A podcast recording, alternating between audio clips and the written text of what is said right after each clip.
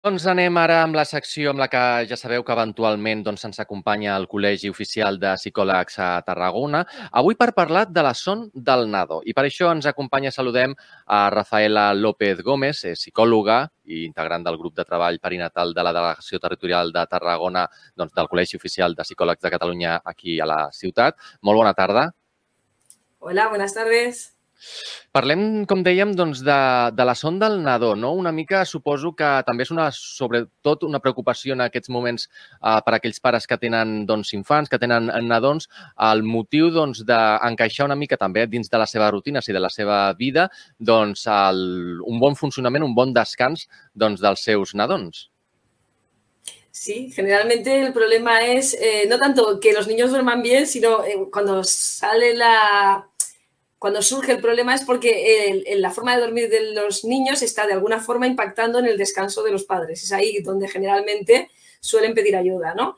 Otra, otras causas que pueden hacer que las familias se den cuenta de que o se preocupen por el sueño de sus hijos es que noten que sus niños no están descansando lo que deberían porque están viendo que durante el día está habiendo una afectación. Esos niños están más nerviosos o más irritables o más movidos porque paradójicamente, así como cuando un adulto descansa poco, eh, lo manifiesta con cansancio, los niños eh, tienen la manifestación de que un niño muy, muy cansado lo que parece es que está, pues, eh, así en palabras rápidas, que está hiperactivo, ¿no? Y a veces lo que hay detrás es, un descanso insuficiente o por algún motivo que no es reparador. Y son estas circunstancias cuando está impactando o en el sueño de los padres o que ven que el niño no está descansando bien, cuando buscan ayuda o sospechan que algo no, no está yendo bien. Uh -huh. Suposo que també depèn de les diverses edats i les diverses etapes no, dels nadons. A, a, com, com, com hem la son del nadó respecte, doncs, a, en diferència amb ja un adult?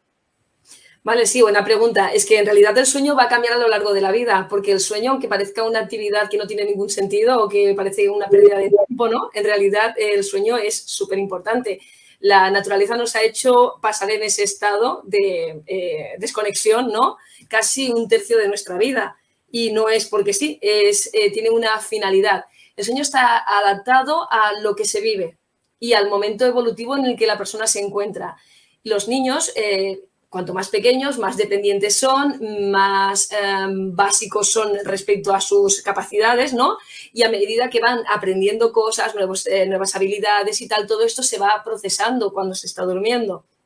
Entonces, este sueño estará muy enfocado a qué está viviendo esa persona. Por ejemplo, así en plan rápido, un niño pequeño, mm, desde bebé, pero vamos a ponernos en un niño pequeñito de unos cinco añitos o así, vamos a ponernos en esa edad, está aprendiendo mucho cognitivamente, ¿no?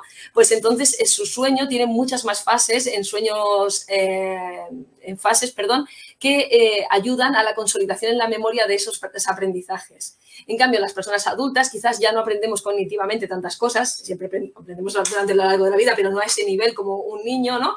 Y, por contrario, nos cansamos más físicamente, por lo que nuestro sueño pues tiene más momentos de sueño profundo, que es el que nos recupera de las exigencias físicas de la vida. Y también, ah, eh, me permíteme añadir ya la última parte, ¿no? De, pensamos que eh, los niños duermen de una manera, los adultos duermen distinto porque lo hemos notado, ¿no?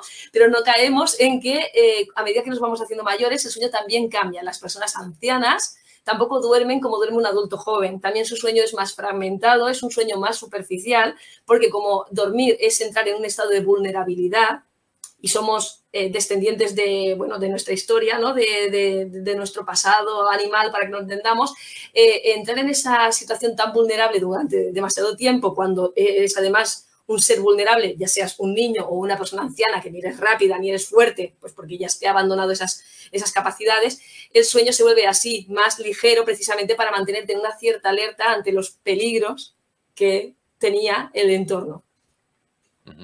Suposo que també, doncs, ara que comentàvem doncs, el tema de les, de les etapes, a, a, sí que és un, en un primer moment doncs, els nadons suposo que dormen moltíssim més al llarg de tot el dia i la nit, però després, com comentaves, doncs, aquest son va evolucionant, va canviant i, per tant, doncs, a, suposo que als pares també els hi preocupa el fet de que els nens doncs, a, a diverses hores de la nit doncs, es despertin i el motiu pel qual. Sí, duermen mucho, eh, pero tienen el sueño muy fragmentado de una forma natural y lo que hacen es comprobar que el entorno es seguro y que las personas que le cuidan están cerca.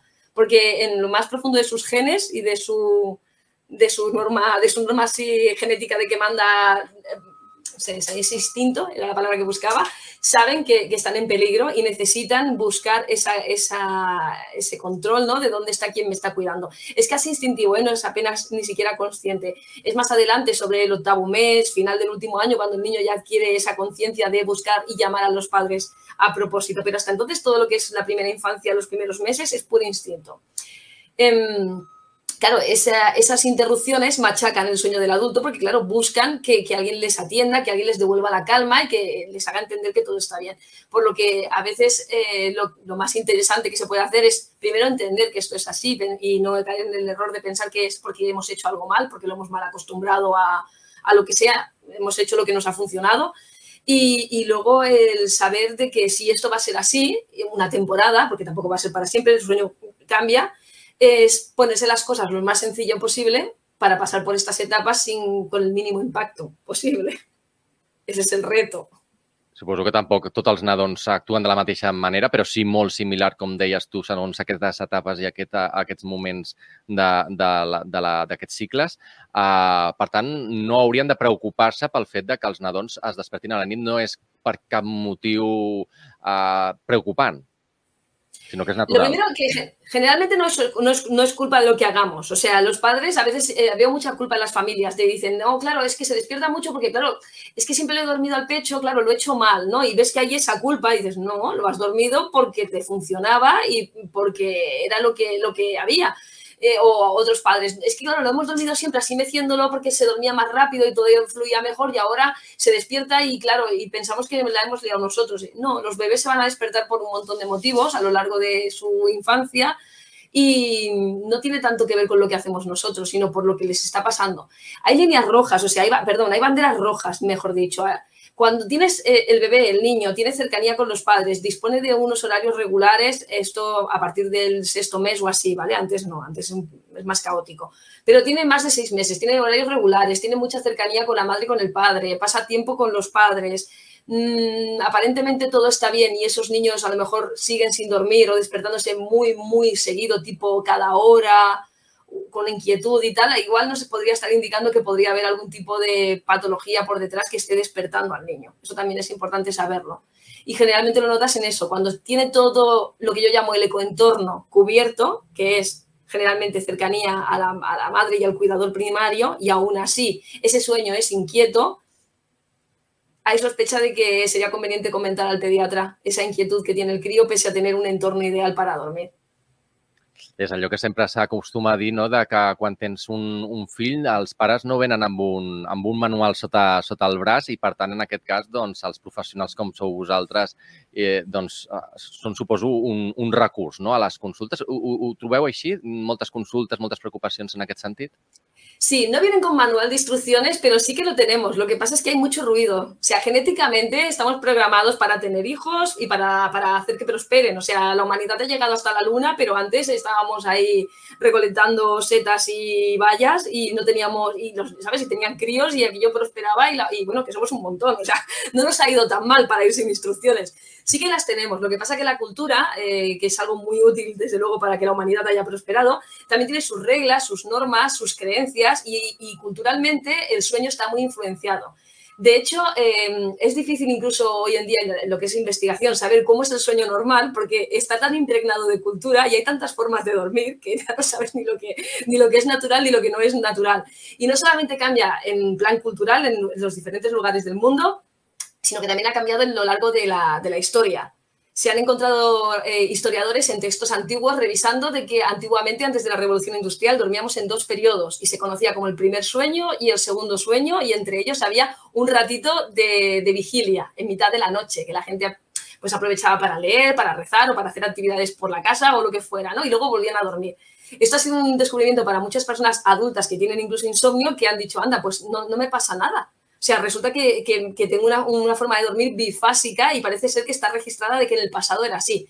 ¿Qué pasa? Que con la revolución industrial pues se tuvo que eh, organizar el sueño de las personas para que durmieran ocho horas para luego volver a la fábrica, ¿no? Y esto es difícil eso, saber qué es, qué es lo que hay que hacer. Y por eso, claro, hay mucha, hay mucha consulta, volviendo a tu pregunta, mucha consulta con los padres, porque, claro, como culturalmente hay todas estas influencias, todas estas creencias, a veces entran en conflicto entre lo que creemos que debería ser porque nos han contado o porque hemos leído y lo que tenemos en la casa. Es decir, aquí se supone que este niño tendría que estar durmiendo la noche entera, pero se está despertando un par de veces y me está llamando, que hay algo mal, este, este niño se está desarrollando mal, tiene algún problema y entonces a veces simplemente Mm, reflexionar sobre esto y sobre todo en el impacto que esto les está suponiendo a ellos, el problema desaparece. Te dicen a veces, ah, pero entonces está todo bien, el niño está, está bien, todo es normal. Sí, el niño cómo está por el día, el niño está por el día feliz. ¿Y tú cómo lo llevas? Hombre, yo no lo llevo tan mal. A mí es que me preocupaba que a lo mejor pudiera pasarle algo. No, al niño no le pasa nada. Ah, vale, pues ya está, ¿sabes? Y se acaba el problema. Suposo Esa que, es la clave. Suposo que en aquest sentit, clar, genera molta frustració pel fet de que el, el, el nadó es, es manifesti d'aquesta manera, despertant-se, plorant, eh, i el fet de que no puguin parlar, no puguin els pares doncs, saber què és el que li està passant.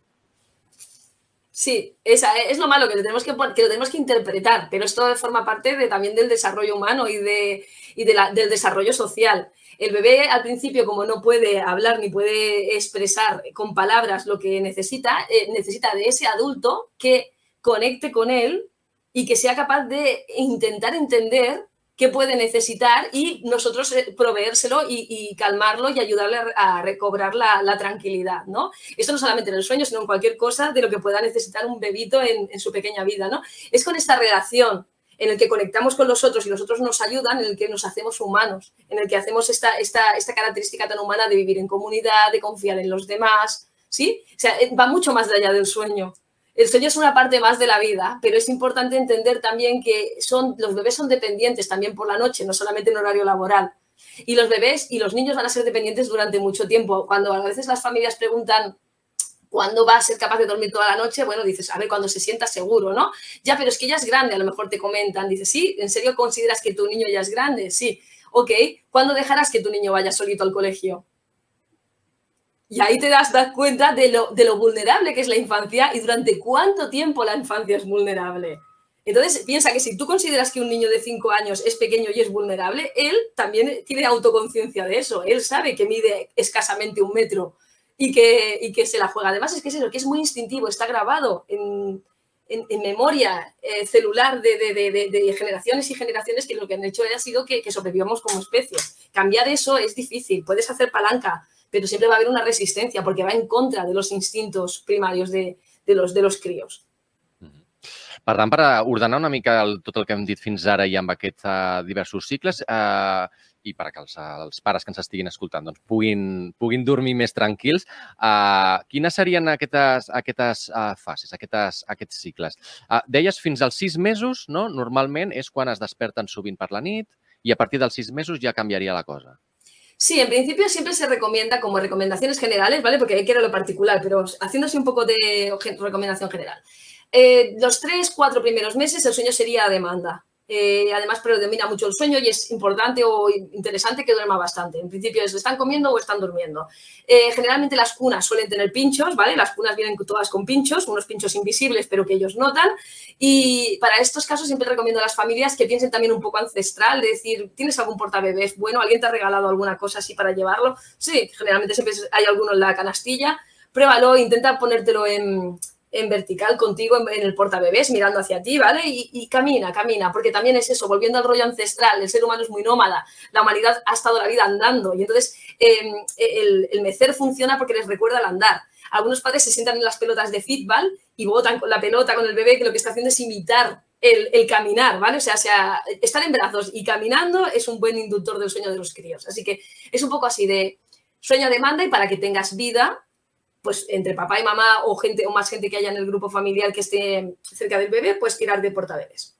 Luego sobre los cuatro sobre los cuatro, cinco, seis meses se empieza a, consolidar el ritmo circadiano. Es ya la influencia de la luz, la luz solar, em, ejerce ya una influencia en regular los ciclos internos del crío y especialmente los del sueño, en el que empiezan a hacer siestas más, más agrupaditas, no, no tan pequeñitas y tan cortas, sino un poquito más agrupaditas, hacen dos, tres siestas durante el día y luego ya empiezan a hacer periodos de sueño continuo por la noche más, más largos, que los tres primeros meses era un poco dormían sin ritmo, ¿vale? Aquí ya empiezan a coger ese ritmo. No quiere decir que no vayan a haber despertares, pero sí que te va a concentrar más horas de sueño en la noche con sus despertares, ¿sí?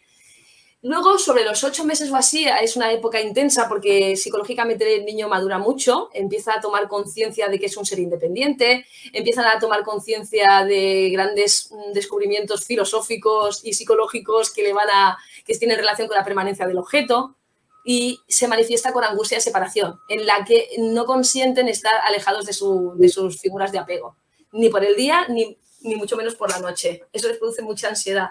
Y parece, entran muchos padres en pánico porque ven que en vez de ir a mejor, la situación se está poniendo peor. ¿Sí? Y entonces una forma de que, no lo vivan tan mal es entender que es una etapa, que es una etapa madurativa mm, correcta del crío y que esto va a pasar. Lo único que necesitas es mantener la calma, rutinas, presencia. Si por la noche se está llamando mucho, no es buena idea ponerlo a dormir en otra habitación porque te vas a dar unos cuantos paseos por los pasillos, así que es absurdo. Es mejor esperar en otra época. Y en principio, a, a partir del año o así, tienes un poquillo de tregua, salvo historias puntuales de que le puedan tener molestias por salidas de los dientes o cambios que empiecen a pasar. Empieza la guardería, pues cualquier cambio que pueda suceder, eso va a trastocar un poquillo las rutinas de los críos y, el sueño, como también nos pasa a los adultos. Es que cuando ya hablas de los adultos, enseguida todo el mundo, ah, claro, lo entiendo. O sea, cambias de trabajo, te afecta el sueño pasan cosas en tu casa, en tu familia que no te están gustando mucho, te afectan el sueño. O sea, es que para dormir tranquilo uno tiene que tener un día tranquilo. Y los cambios, mm, aunque nos guste romper la rutina, en realidad, la verdad, una verdad así incómoda es que los, seres humanos somos bichos de rutinas, nos gustan las rutinas, nos dan tranquilidad y paz. Y los pequeñitos, los niños igual. Pues eso, a partir del año tendría que haber un poco más de tregua, pero así, si me preguntas la pregunta del millón, que es cuándo ya dejan de despertarse y todo está bien tranquilo y tal, en algún momento, entre los dos años y medio, tres, en teoría ya tendría que estar el sueño bastante consolidado y parecido al del adulto. Ya no tendrían que haber nada de despertares. Pero en la experiencia te diría que sobre el año y medio o así ya empieza a haber bastante tranquilidad. Y no quita, perdonad que os añada, que cuando se hacen más grandes puedes encontrar problemas de que diga que te vayas a dormir tú, porque si son, prefieren vivir que a dormir, es mucho más interesante, y ahí ya entran las, las normas, las rutinas, eh, negociaciones con los críos, o que puntualmente tengan miedos, porque a medida que va mejorando toda la capacidad cognitiva, la fantasía, la imaginación, la creatividad, hace que muchos niños puedan sentir miedo. Es una buena señal, son niños creativos, son niños que son capaces de, pensar. Entonces es ver un poco que está, puedes encontrarte niños que vengan a tu cama por la noche porque tienen miedo, habrá que ver qué está generando el miedo, en fin, ahí entramos en otras cosas, pero la infancia es larga, la infancia es larga, pero así lo más intenso se concentra sin duda los dos primeros años, especialmente el primero. En aquell moment en què des desperten per la nit, quin consell podríem donar a, als pares? Com han de fer per calmar-los o què és el que, quines són les instruccions?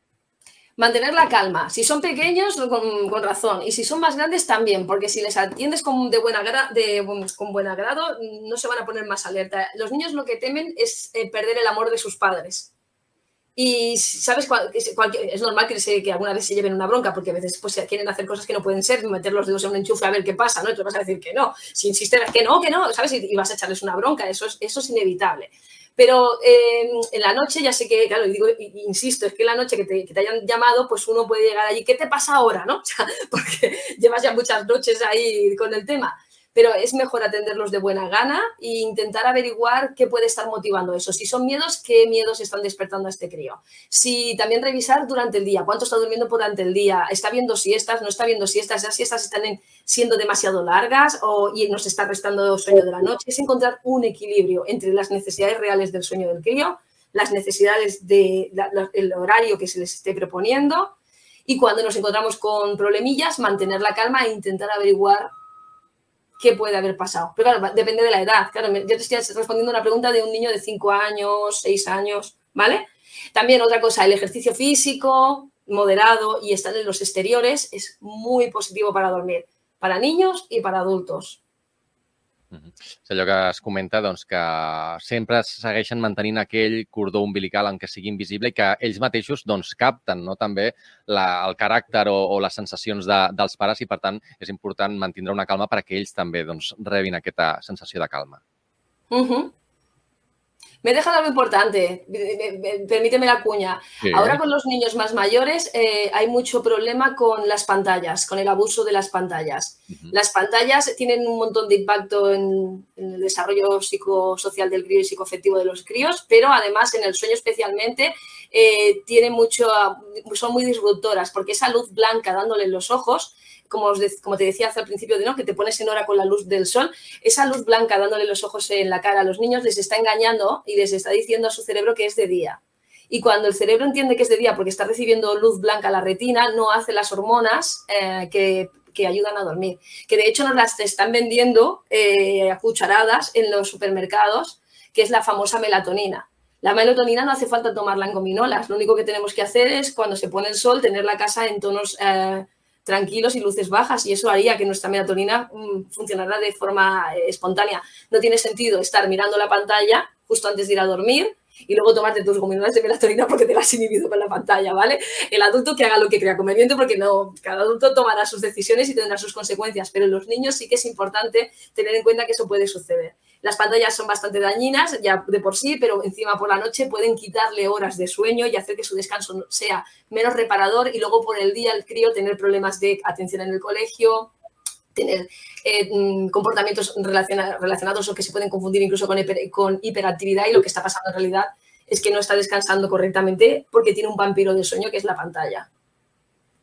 Per tant, aquella pregunta del milió que abans fèiem referència de quan acabarà aquest malson, per dir-ho d'aquesta manera, amb, amb aquests despertars de la nit. Dèiem que a partir del any i mig ja els nadons s'haurien d'assumir una mica aquest rol de cap al, durant el dia eh, s'està actiu i doncs per la nit es descansa i es dorm. Sí, pero el tema es que ellos tienen que sentirse, ellos tienen que tener, tienen que estar descansados, o sea, el sueño tiene que estar adaptado a sus necesidades y para dormir tranquilo y que no te llamen por la noche, porque todos nos despertamos. Esto de los despertares, hemos hablado de que los bebés se despiertan, pero es que los adultos también. Volviendo a esa parte de que estamos vulnerables cuando dormimos, la naturaleza no, no le parece buena idea de que entremos en coma durante ocho horas. Cada cambio de ciclo, que eso es en el adulto cada 90 minutos, en realidad todo el mundo se despierta, conecta un momento con el mundo, se da la vuelta en la cama y se vuelve a dormir, si todo está en orden. Si alguien se ha dejado la luz del pasillo encendida, si oyes un ruido, eso te sacará del sueño y te irás a investigar qué está pasando, porque está hecho para eso, precisamente, para que podamos monitorizar el entorno y, y, y volver a dormir. Entonces, con estas claves es entender que el niño tiene que dormir lo que necesita dormir y luego, para que el niño no te llame por la noche o no necesite que tú atiendas por la noche, el niño tiene que sentirse seguro hay que cultivar una relación en la que el crío sienta seguro. ¿Y cómo se cultiva esa relación? Cuando te va llamando al principio del principio, siempre atenderlo, siempre atenderlo, siempre atenderlo y entonces el niño entiende que tú estás siempre disponible, tú eres de fiar. Entonces, cuando llegue su momento, será capaz de dormir tranquilo y relajado toda la noche sin necesidad de llamarte, salvo que le pase algo. ¿Vale? Es esa, esa es la clave, porque también es importante que los niños sepan que si les pasan algo, te pueden llamar. Eso significa que tiene una relación de apego segura contigo, que confía en ti. Y es, en, en, las relaciones de padres e hijos, una relación de apego segura es importante. Déu, déu nhi tot el que hi ha darrere del son, una cosa que sembla que tenim molt assumida i que doncs, hi ha molts aspectes uh, al darrere i que al final tots hem passat també per aquesta etapa a la nostra, a la nostra infància. Ens podríem quedar parlant molta més estona, però se'ns ha acabat el temps. Nosaltres doncs, agraïm Rafaela López Gómez, psicòloga integrant del grup de treball perinatal de la Delegació Territorial de Tarragona del Col·legi Oficial de psicòlegs de Tarragona, de Catalunya que ens hagi doncs, acompanyat. Moltes gràcies. Esperem que els nostres oients i seguidors i sobretot doncs, els pares hagin pogut agafar bona nota i doncs, que es quedin més tranquils.